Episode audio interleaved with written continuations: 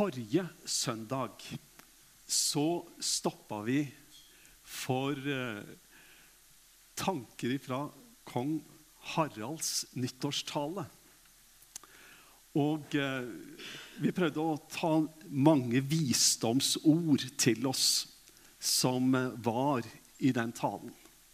Mens i dag så har jeg lyst til å ta et, et annet tema som jeg på mange måter føler hører veldig til nyttår og oppstart av et nytt år.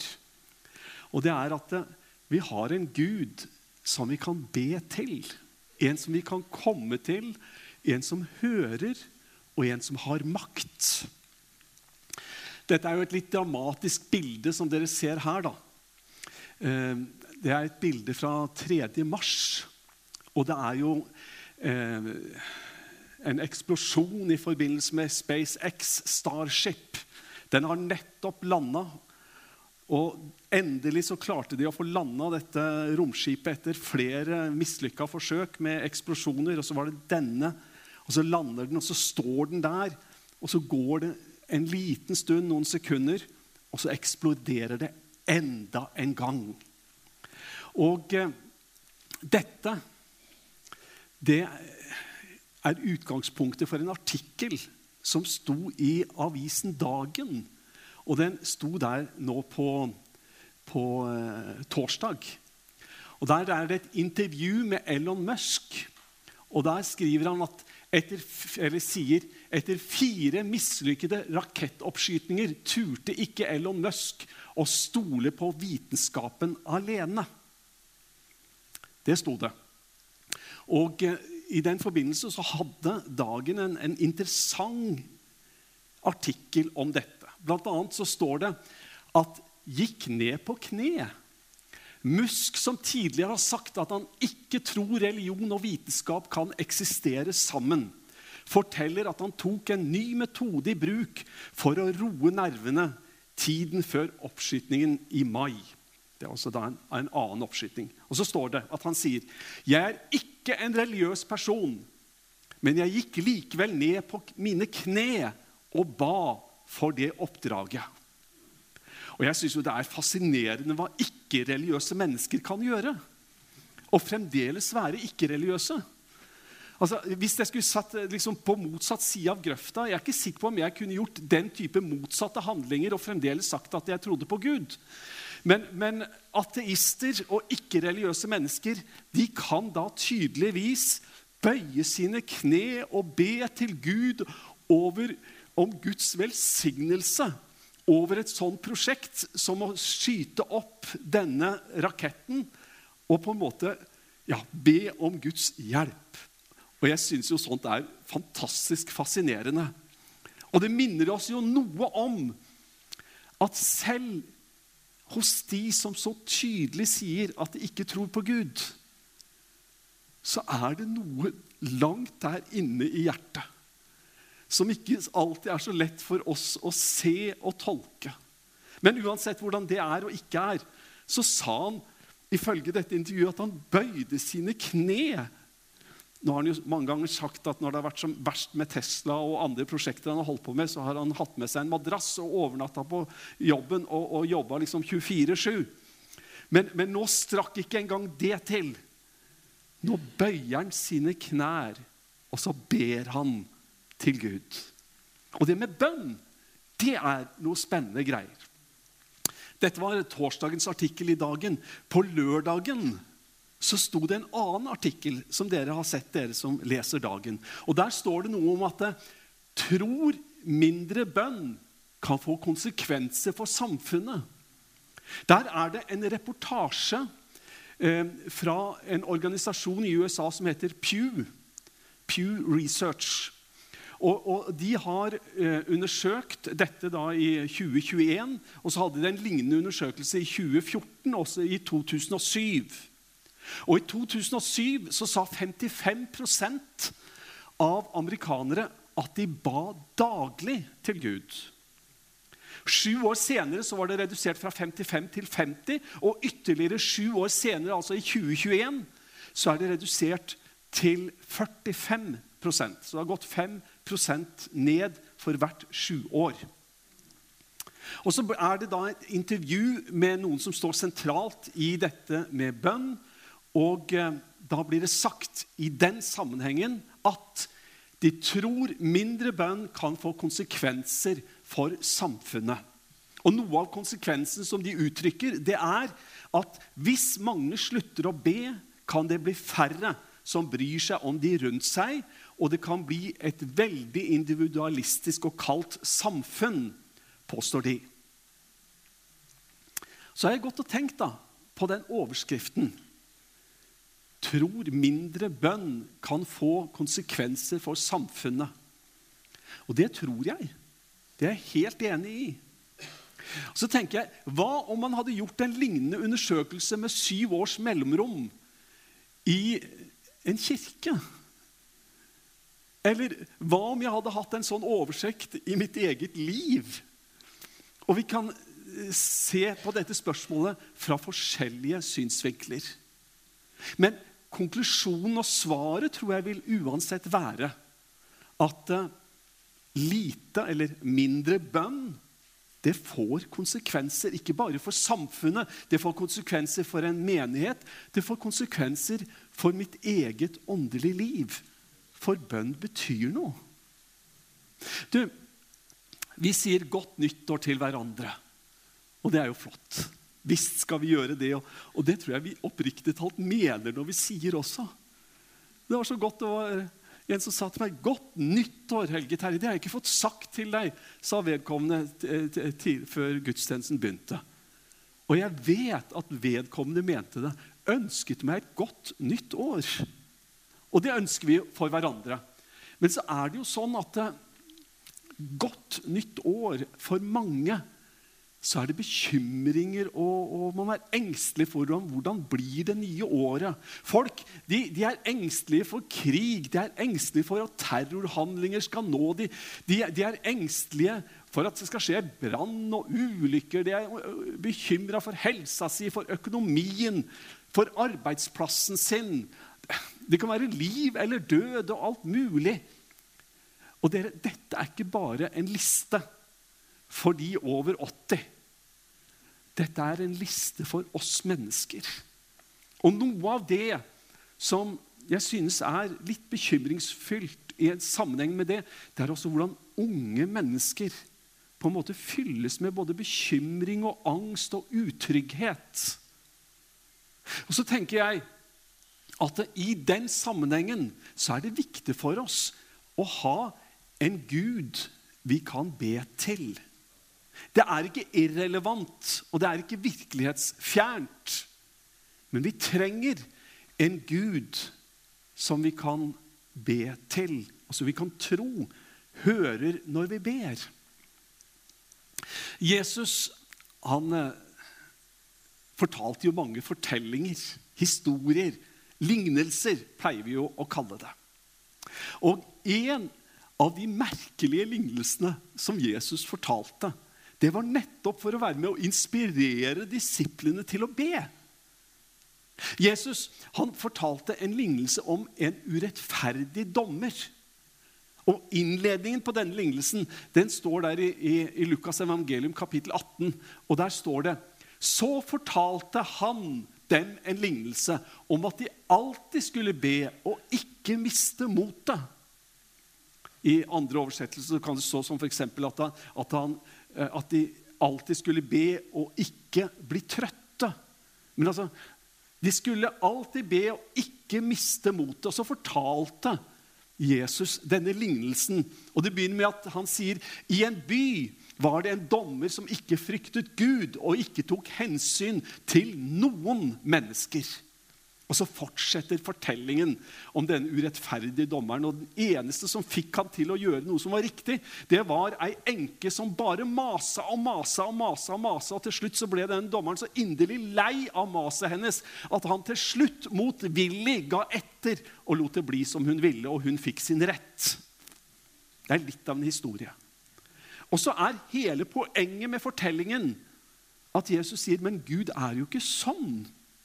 Gud er jo slett ikke sånn som denne urettferdige dommeren, der vi måtte mase oss til vår rett. Og så skulle det være en inspirasjon for disiplene, sånn at de kunne skjønne at de kunne be.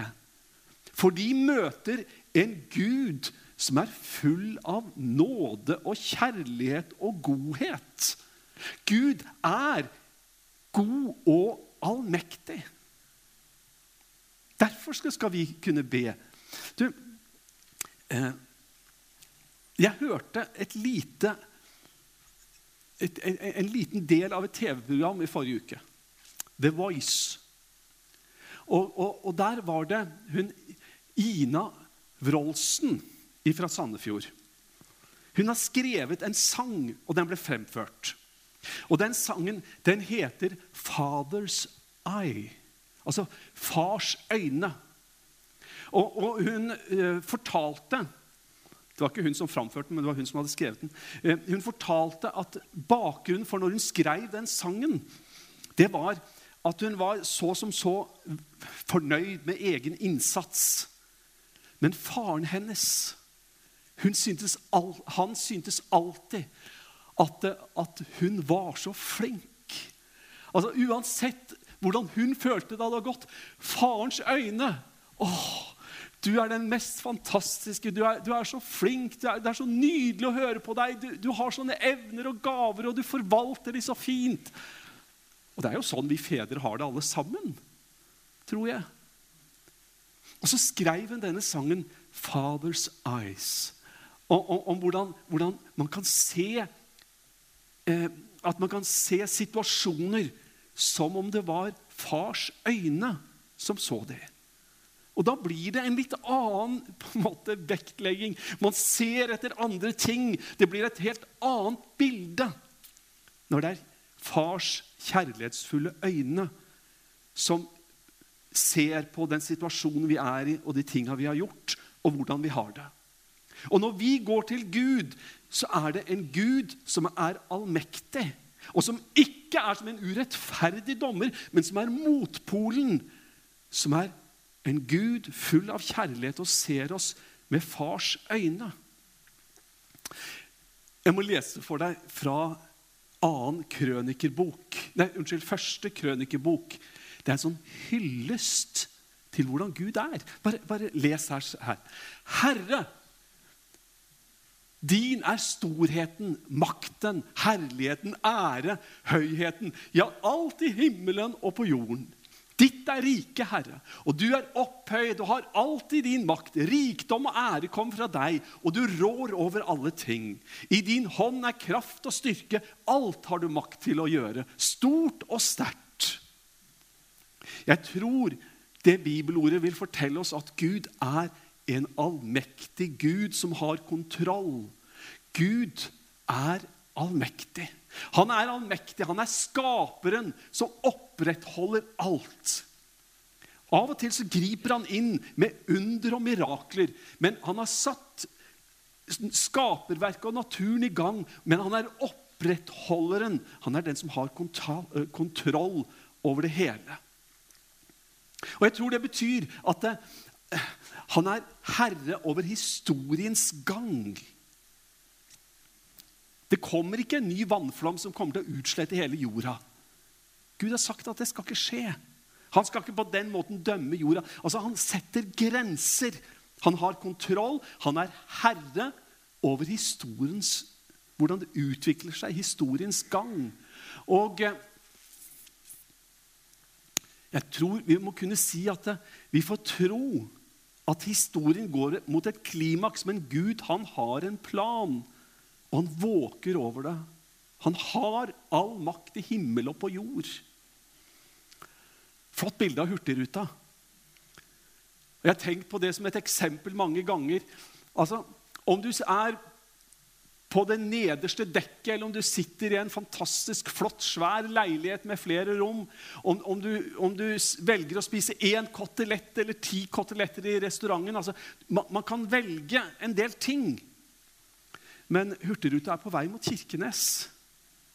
Og uansett hvilken valg du gjør, så, så er det noe som, som, utvikler seg fordi at noen andre høyere enn deg og meg har bestemt at båten er på vei mot Kirkenes. Og jeg tror at når vi ser på situasjonen rundt oss og universet og vår egen lille klode og det som skjer blant oss mennesker. Jo da, vi kan ta en del valg, og det får konsekvenser. Det betyr noe for meg om jeg spiser én eller ti koteletter. Men båten er på vei mot Kirkenes. Og Gud han er den som har kontroll, og som har all makt i himmel og på jord. Det er så mange ting ikke du og jeg kan bestemme over som er der. For eksempel, vi kan ikke bestemme vår nasjonalitet. Vi kan ikke bestemme hvem som skulle være våre foreldre, når vi skulle bli født. og temperamentet vårt, og personligheten, og intelligensen, og evner og helse. Jeg mener ikke at ikke vi ikke kan påvirke noen ting på noen måte, men det er en del ting som ikke vi rår over. Men vi har allikevel en Gud som rår over alt, som er skaperen du, våre bønner, de når til Gud. Så vet jeg jo at det er mange som tenker at det, det ikke betyr så veldig mye reelt sett når vi ber. Og i den artikkelen som jeg nevnte innledningsvis, om at hvis færre ber, så får vi et kaldt og lite personlig samfunn. For at ikke vi bryr oss om andre. Ja, det er sant. Jeg tror at bønnene våre gjør noe med oss selv. Men jeg tror også at bønnene virkelig gjør noe med den reelle situasjonen at Gud griper inn. Altså Noen vil si at det bare er dette altså, en psykologisk greie som påvirker oss selv. Andre vil helt sikkert si at det, man kaster bort tida. Og noen vil si at nei, Gud svarer ikke. Det er bare noe som dreier seg om min egen utvikling. og Derfor er det så viktig at vi ber, vil noen si, fordi at det gjør noe med oss. Og det er sant. Men det er også viktig at vi ber, fordi at det gjør at Gud griper inn på en måte som han ellers ikke ville gjort. Dette er et interessant bilde. Dette er et bilde fra KS. Det er et stort portrettintervju med Per Søtorp. Og så skriver, eh, sier Per Søtorp i det intervjuet det er ikke mye jeg krever for å gjenoppta kontakten med Gud. Men et begripelig livstegn hadde vært fint, sier Per Søtorp. Den store, flotte sangforfatteren vår, lovsangslederen, som ikke lenger kan si at han tror på Gud. Som eh, kaller seg selv agnostiker. Eh, han vet ikke, liksom. Men så sier han det at ja, det skulle ikke så veldig mye til for at jeg kunne begynne å tro på Gud igjen. Bare et lite livstegn det ville vært fint. Det ville hjulpet. Og dere, dette er noe av den karismatiske fallgruben, sånn som jeg ser det, og sånn som jeg tenker. Det at, det, at vi, det at, vi, på en måte er blitt opplært til at vi skal kunne kjenne og vi skal kunne se og vi skal kunne oppleve såkalte bønnesvar, og vi skal se at Gud holder det han, som vi påstår at han har lovet. Og Hvis ikke det skjer, så vakler hele fundamentet for oss. Og vi begynner å si at 'nei, jeg tror ikke jeg tror på Gud lenger'. Hva slags fundament bygger vi troa vår på? Og, og hva, hva, hva, hva, skal til for at vi begynner å tvile på at Gud fins? Jeg snakker om bønn, jeg snakker om bønnesvar. Men du, Gud svarer ikke alltid sånn som vi tenker. Og, og troa vår det har et annet fundament enn at Gud skal begynne å la høre fra seg. I dette, i dette intervjuet så sier Per Sølte at han, han, har lagt på telefonen. Han orker ikke så der og vente på at Gud skal svare. Han orker ikke bare ringe og ringe og ringe og aldri tar Gud telefonen. Så nå har han lagt på, så kan Gud ringe han hvis Gud har noe å si. Og Jeg skjønner tankegangen. Men det er bare det at Gud har noe å si til oss hele tida. Det er bare det at det, bønn det er, det er, ikke bare det å se, sånn at man kan gjøre det så konkret at vi har, får et, noe å bygge troa vår på. Men det er mer en overgivelse til Gud, den allmektige, som har all makt i himmel og på jord, og som kan gripe inn, og som gjør hva han vil. Det er han som arbeider med oss på lang sikt. Du, Bare tenk så flott det står. Det er Han som virker i oss med sin kraft og kan gjøre uendelig mye mer enn det vi ber om og forstår. Vet du hva? Dette kan vi gripe ved tro. Og bestemme oss for at jo, vi tror at Gud har all makt. Jeg tenkte på det der flotte intervjuet mellom Når, når Vidar spurte hvorfor skal man være en kristen? Hva er begrunnelsen? Og jeg, jeg vet ikke, og jeg, kunne, Det er et stort spørsmål som vi kunne brukt veldig lang tid på. Men i bunn og grunn Det er ikke det at jeg har bestemt meg for å bli en kristen heller, tror jeg. Men jeg bare tror på Gud. Rett og slett. Og så har jeg bestemt meg for å ta imot og bestemt meg for å gi mitt liv. Ja, så absolutt det med bestemmelse er noe. Men i bunn og grunn, jeg kan ikke la være å tro på Gud, for jeg tror på Gud. Jeg ser rundt meg, jeg ser skaperverk. jeg, jeg altså dere, Det er et eller annet som har skjedd i meg. Jeg tror på Gud. På tross av såkalte ubesvarte bønner og på tross av en uendelighet av ubesvarte spørsmål. Men vet du hva? Gud har vært så god mot meg, og jeg skal ikke ta kreditt for det selv.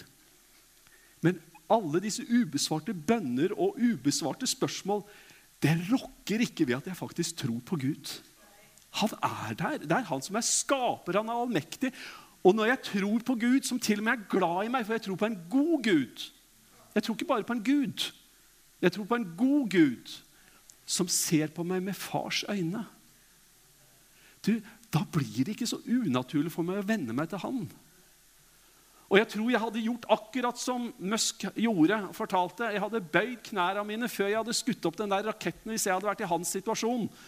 Og så har jeg sagt, 'Kjære Gud' jeg, jeg, jeg, jeg, tror jeg nevnte det, jeg vet ikke hva jeg gjorde. Men jeg fikk et, en, en, en sånn ønskeliste av et av barnebarna mine. Det vil si, jeg fikk den ikke, jeg tok, tok vare på den. Det var til julenissen. Og, og, og Johannes skrev 'Kjære julenisse'. Jeg tror ikke at du fins, men jeg prøver likevel. Og så skrev hun en, en, liste nedover. Og jeg vet ikke om hun egentlig mente at det var til oss. Men det, det er nå det samme. Men, men, jeg lo og jeg tok bilde av det, sånn at jeg kunne ta vare på det. Kjære julenisse, jeg tror ikke på deg, men jeg prøver likevel. Og jeg tror det er litt sånn, med litt mer alvor hos mange. Gode Gud, hvor mange er det ikke som har bedt sånn? Jeg vet ikke om du fins, men hvis du hører Og så kommer man med sitt dype sukk og sin inderlige nød og sier, 'Gud, hvis du fins, grip inn.' Og så tror vi at det er en som er så uendelig kraftig og mektig, og som kan gjøre mye mer enn det vi har forstand til å be om. Det står jo også i ordspråken at i menneskets hjerte er det mange tanker, men Herrens beslutninger står fast. Herrens beslutninger står fast. Og disse beslutningene som står fast, er påvirkelige. Igjen og igjen så ser vi i Bibelen hvordan Gud griper inn, hvordan Gud forandrer sine tanker, planer. Over 1000 skriftsteder kunne jeg gitt dere. Over 1000 skriftsteder i Bibelen beskriver hvordan Gud handler annerledes på grunn av menneskers handlinger. Vi påvirker Guds, Guds handlinger, og det gjør vi ved vår bønn og ved våre gjerninger. Dere, vi har en tro på en Gud som hører bønn. Og alt det andre som jeg hadde planlagt, det skal jeg ta en annen gang, for klokka går så fort.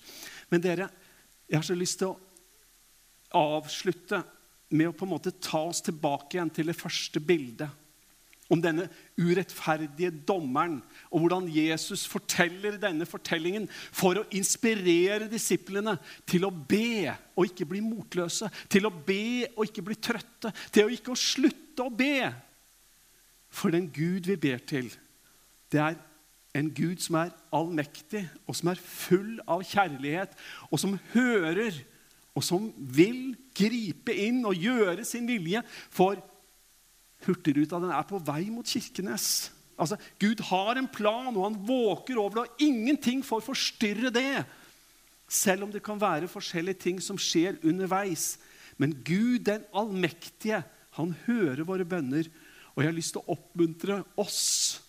Og da tar jeg meg sjøl med, for jeg tror jeg trenger det minst like bra, mye som oss alle andre.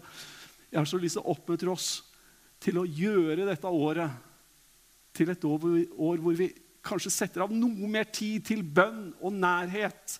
For Gud, han ønsker å høre våre bønner. Og han vil gripe inn, og han lar seg påvirke. Og så må vi ikke bare ta og gjøre det så utrolig firkanta om hvordan han skal. For han gjør så mye mer enn det vi har forstand til å be om. Så vi må overlate til dette til Gud, og så må vi gå trosvandringa sammen. Og så må vi gå trosvandringa sammen med Gud også. Så får vi lov til å oppleve at han er med, og at han hører, og at vi får lov til å be. Og vi kan si, 'Kjære Gud, jeg vet ikke om du fins', men vi får også lov til å si, 'Kjære Gud, vi vet' at du har kommet til oss, du har møtt oss, og nå er vi her som dine barn. Og så får vi legge fram våre behov, og vi får takke, og vi får gå i forbønn for hverandre, og vi får ha et bønneliv der Gud, er, den allmektige, er den gode Gud vi får lov til å be til. I Jesu navn. Amen.